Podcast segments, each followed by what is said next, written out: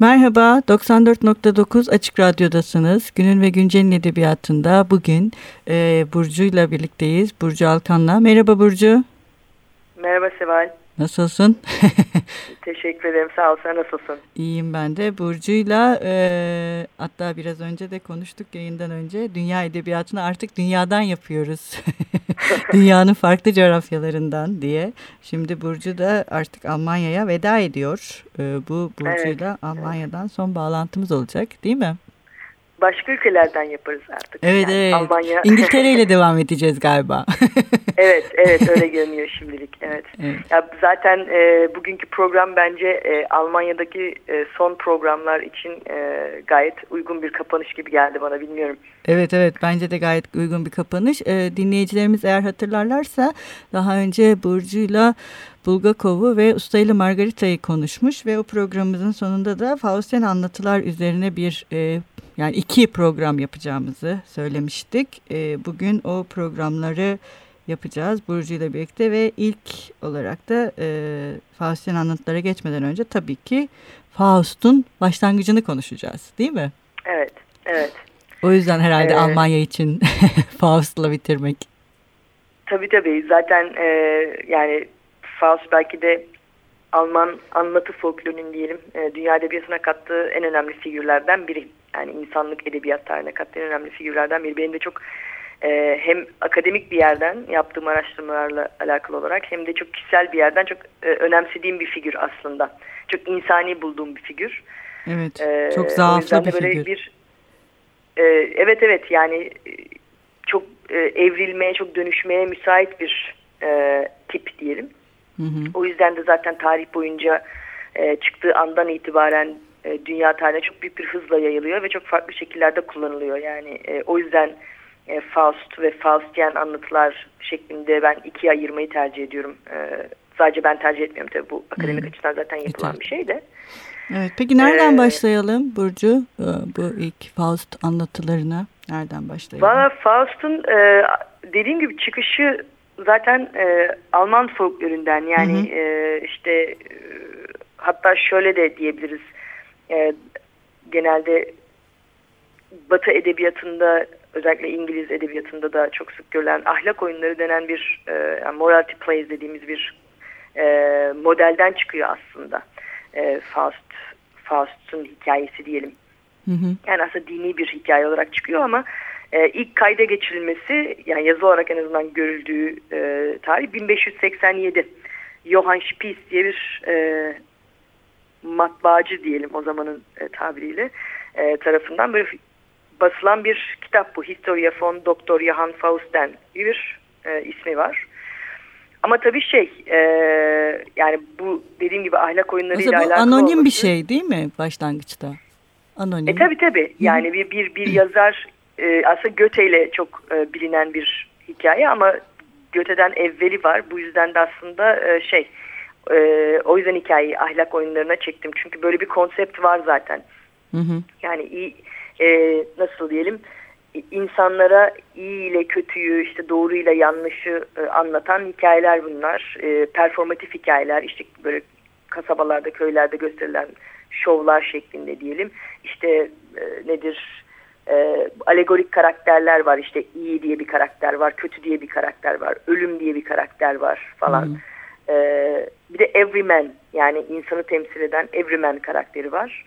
E, sıradan insan evet, gibi düşünürsek. Hatta, Ve bu ahlak oyunları da şey hani e, bu sıradan insanın e, çok da kafasında sorgulama yaşamadan işte doğruyla yanlışı deneyimlemesi işte ödediği bedeller e, yapması gerekenler gibi böyle ders verici bir aslında performatif hikaye. Hı hı. Yani Faust en azından bu gelenekten çıkıyor diyelim. Evet aslında yani biraz ilk, şeyleri... Ilk ahlak oyunlarında Faust yok yani Faust hı hı. sonradan çıkan bir evet, hikaye. Asıl temel buradan başlıyor yani. Tabii tabii yani konsept olarak buradan geliyor. Çünkü ilk Faust hikayesi şey zaten e, o da bir çeşit ahlak oyunu aslında. Evet. Ya bak böyle böyle yaparsan sonun bu olur. Yani Tanrı'nın yolundan çıkma aslında. Evet, doğru yolu doğru yoldan şaşma. Aslında ha, doğru bu, yoldan şaşma e, aslında, bir hikayesi var. Aslında biraz şeylere evet. de benziyor değil mi bu bizdeki mesnevilere?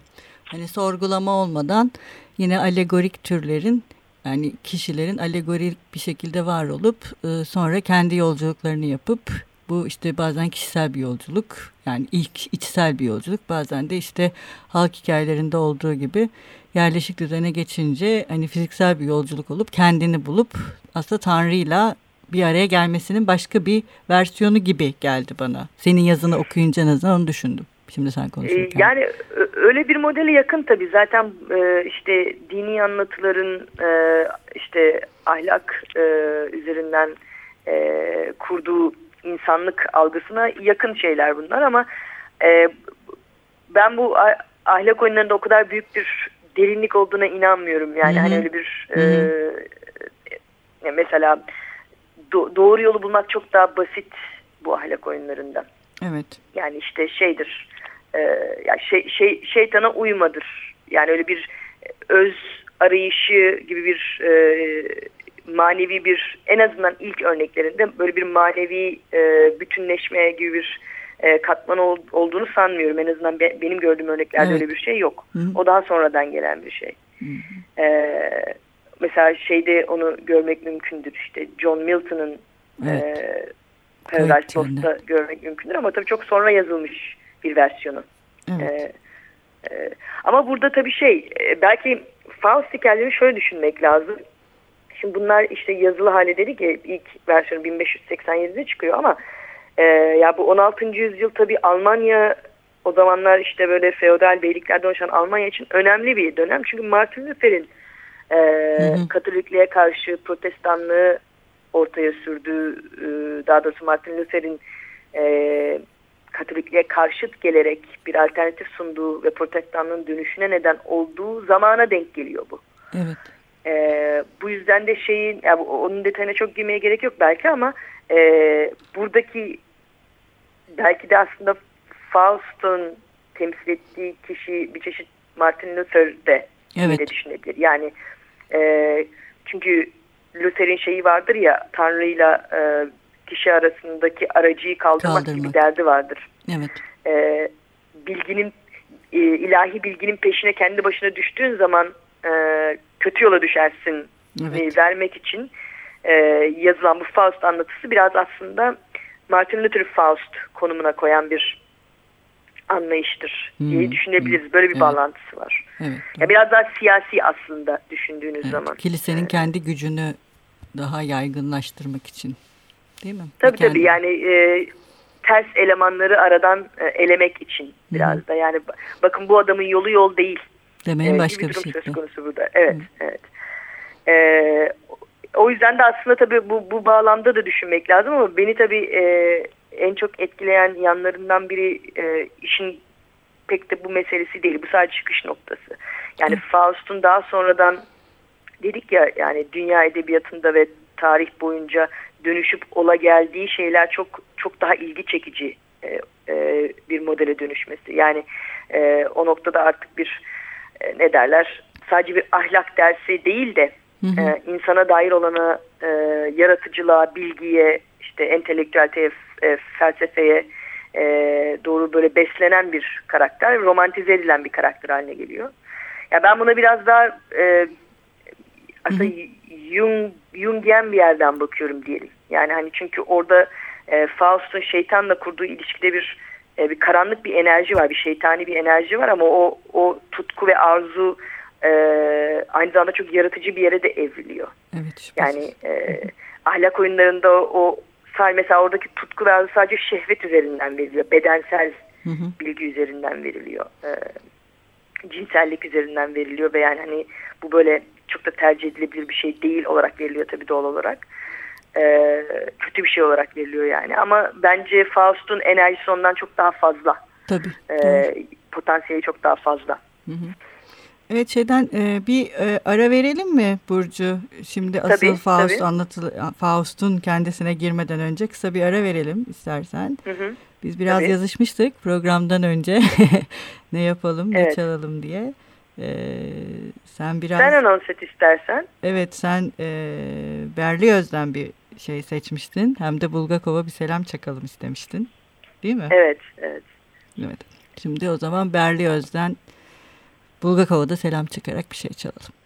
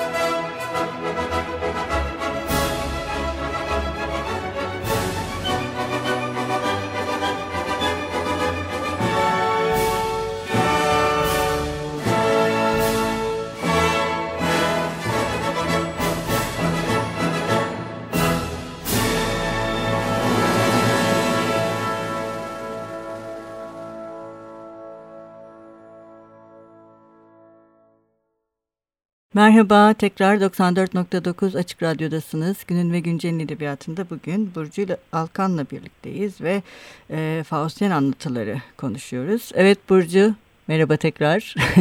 merhaba, evet Berlioz'dan Damnation of Faust'u dinledik. Evet. Ee, artık Faust'a geçebiliriz galiba. Evet, ee, Faust'un evet. hikayesine.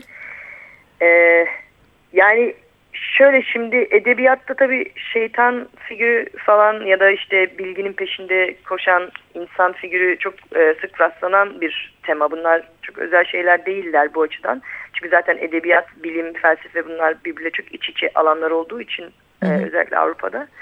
E, yani Faust anlatılarını, Faust anlatısı yapan şeyden bahsetmek lazım belki de. Çünkü çok spesifik bir şeyi takip etmesi gerekiyor Faust anlatılarının, Faust anlatısı olabilmesi için. Yani mesela e, işte Frankenstein'ın neden bir Faust anlatısı olmadığı. Evet. Ya da Mr. E, ya da ama Dorian Gray'in bir e, Faustian Hı -hı. anlatı olduğunu anlayabilmek için e, temel şeylerine bakmak lazım. Yani burada aslında, aslında hikaye çok basit. E, sahip olduğuyla yetinmeyen ve sınırlarını zorlayan bir e, karakter var Faust karakteri. Ve bu bunun sınırların ötesine geçebilmek için e, şeytanla bir anlaşma yapar ve e, ruhunu şeytana satar. Evet. E, böylece cehennemi garantiler aslında. Hı hı. E, ve işte birçok anlatıda kısıtlı bir süre içindir o. Yani o sınırlılık içerisinde bir sınırsızlık vardır. Mesela 24 yıldır e, Özgün Metin'de. 24 yıl içerisinde sınırsız güce sahip olur. Ama 24 yılın sonunda e, şeytan gelip ruhunu e, götürecektir. Hı hı. E, böyle temel bir hikayesi var bunun. E tabi o aslında sınırsızlık içerisinde bile çok da sınırsız olmadığını görürüz. Çünkü mesela e, Faust'un ulaşmak istediği bilgi e, teknik olarak onun idrak edemeyeceği bir bilgidir. İlahi bilgidir. Evet. E, Tanrı'ya özgüdür, yoktan var etmeye özgüdür. E, şeytanın kendisi düşmüş, e, melek olmasına rağmen düşmüş bir melek olduğu için zaten bu bilgileri ona sağlayamaz. Onun dışındaki her şeyi sağlar ama bu arada. Yani işte uzayı gezerler. İşte e, dünyanın dört bir köşesini gezip dört bir zenginlik görürler falan filan ama yani o bilgiye ulaşamaz Faust. E, yani temel anlatı bu aslında. E, burada bir, bir metnin bir metnin Faustian anlatı olduğunu söyleyebilmek için bu ögelerin diyelim evet. işte ruh, şeytan, Faust, anlaşma gibi ögelerin belli kombinasyonlarda var olması gerekiyor. Hı hı.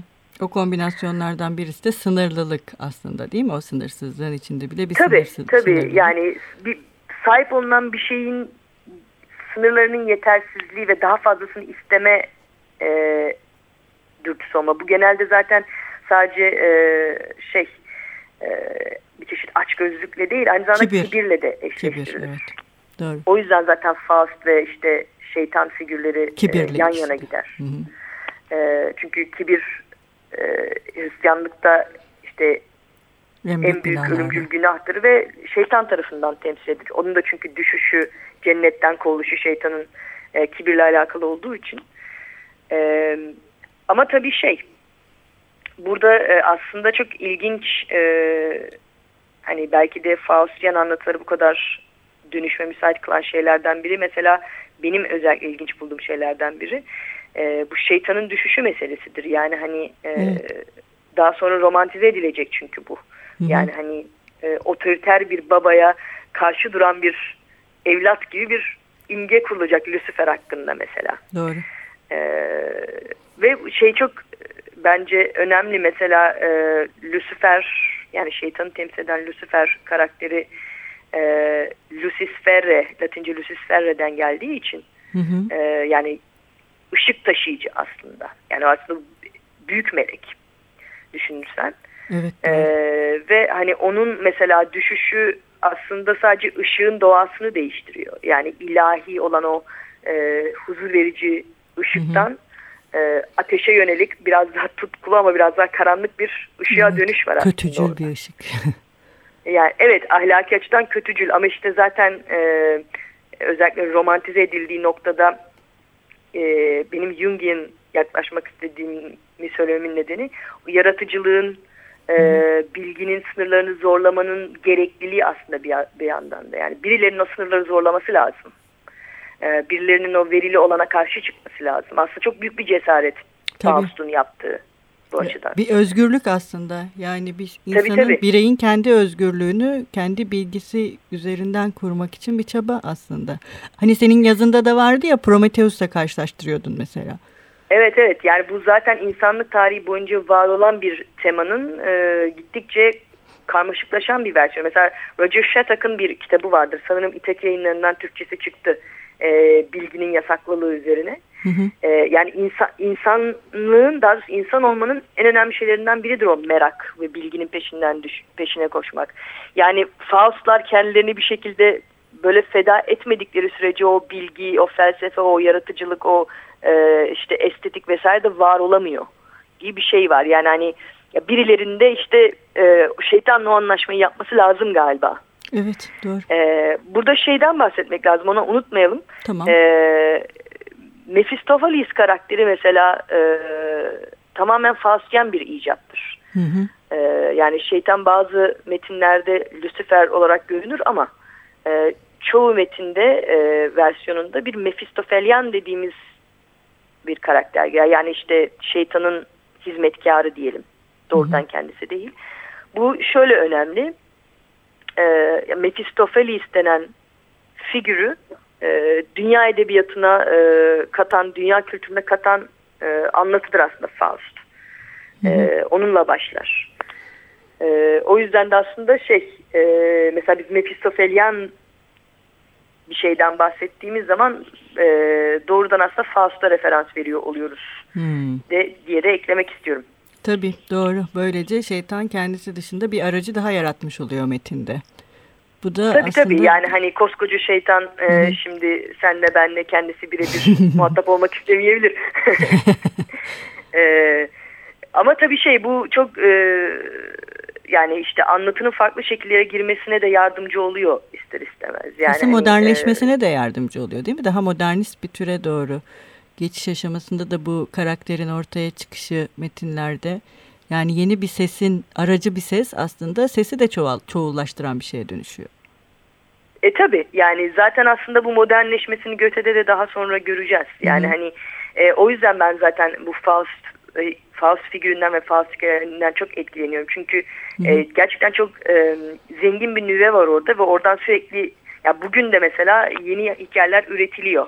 Evet. E, filmler yapılıyor falan. Yani Özellikle hani, sinema, aslında evet. insan ruhunu özgü çok e, e, nasıl derler? Çok insan ruhuna özgü bir e, figür ve anlatı. Evet. E, hoşumuza gitse de gitmese de yani hani o tabii, tabii. yine Jungian diyeceğim ama o, o karanlık tarafımızın e, var olduğu gerçeği var ve iyi ki de var da demek de tabii, lazım. Tabii tabii bence aslında. de yani bir de varoluşun sebepleri üzerine düşünmek ve bu her seferinde başka bir sebeple karşı karşıya getirmek için de bu anlatılar aslında e, yani varlık üzerine düşünmenin aracılığı haline geliyorlar bir süre sonra otomatik olarak öyle değil mi? Tabii tabii benim zaten o bahsettiğin e, Pasajlar dergisinde yayınlanan Hı-hı. yazımdan bahsediyorsun sanırım. Evet evet ondan ee, bahsediyorum. O orada anlattığım aslında e, bu, bu programdan bağımsız olarak tamamen böyle bir ilişki. Yani insanın varoluş e, mücadelesiyle, var olma mücadelesi varoluş endişeleriyle doğrudan alakalı e, ben kimim sorularını, sorularını sordurduğu ve insanı insan yapan e, hikayeleştirme e, deneyimini de irdeleyen ve doğrudan aslında Faust'u o anlatı sürecine bağlayan bir yazı o bahsettiğin yazı. Evet, onu ben bir kesin tam, böyle olduğuna inanıyorum. Evet bunu onun da bir künyesini verelim. Pasajlar dergisinin ikinci sayısında Burcu'nun bugün konuştuğumuz konuyla ilgili aslında bir girizgah niyetinde e, çok güzel bir yazısı var. Onu da e, buradan ederim. herkese dinleyicilerimize ayrıca e, söylemiş ve tavsiye etmiş olalım. Hem e, programımızdaki konuştuklarımızı desteklemek hem de aslında dediğim gibi bir nevi konuya girizgah yapmak için. Burcu e, bu programın artık sonuna geliyoruz. E, bunu hı hı. kapatacağız. Sonra e, haftaya Fausten anlatılara devam edeceğiz. Son olarak senin eklemek istediğin bir şey var mı bu program için? Evet haftaya yap e, haftaya dediğim bir sonraki programımızda e, hı hı. konuşacağımız sanırım biraz şey yapmak lazım. Daha metinlere evet odaklanacağız. Metinlere e, odaklanacağımız üzerinden konuşmak lazım. E, bu da böyle bir e, girizgah olsun. E, ama o e, pasajlardaki makaleyi ben çok severek yazdım ve çok da e, yardımcı olacağını düşünüyorum ilgilenen e, okurlar için. E, o yüzden ben de tavsiye ediyorum. E, güzel bir metin oldu. Güzel bir girizgah oldu senin evet. de dediğin gibi. Eline dimağına sağlık diyelim o zaman. Teşekkür çok, ederim. Çok teşekkür, teşekkür ederiz ederim. Burcu. Ee, bugün Burcu Alkan'la Faustyen anlatılara bir giriş yaptık. Haftaya Burcu'yla bu konuyu konuşmaya devam edeceğiz. Hoşçakalın. Görüşmek üzere.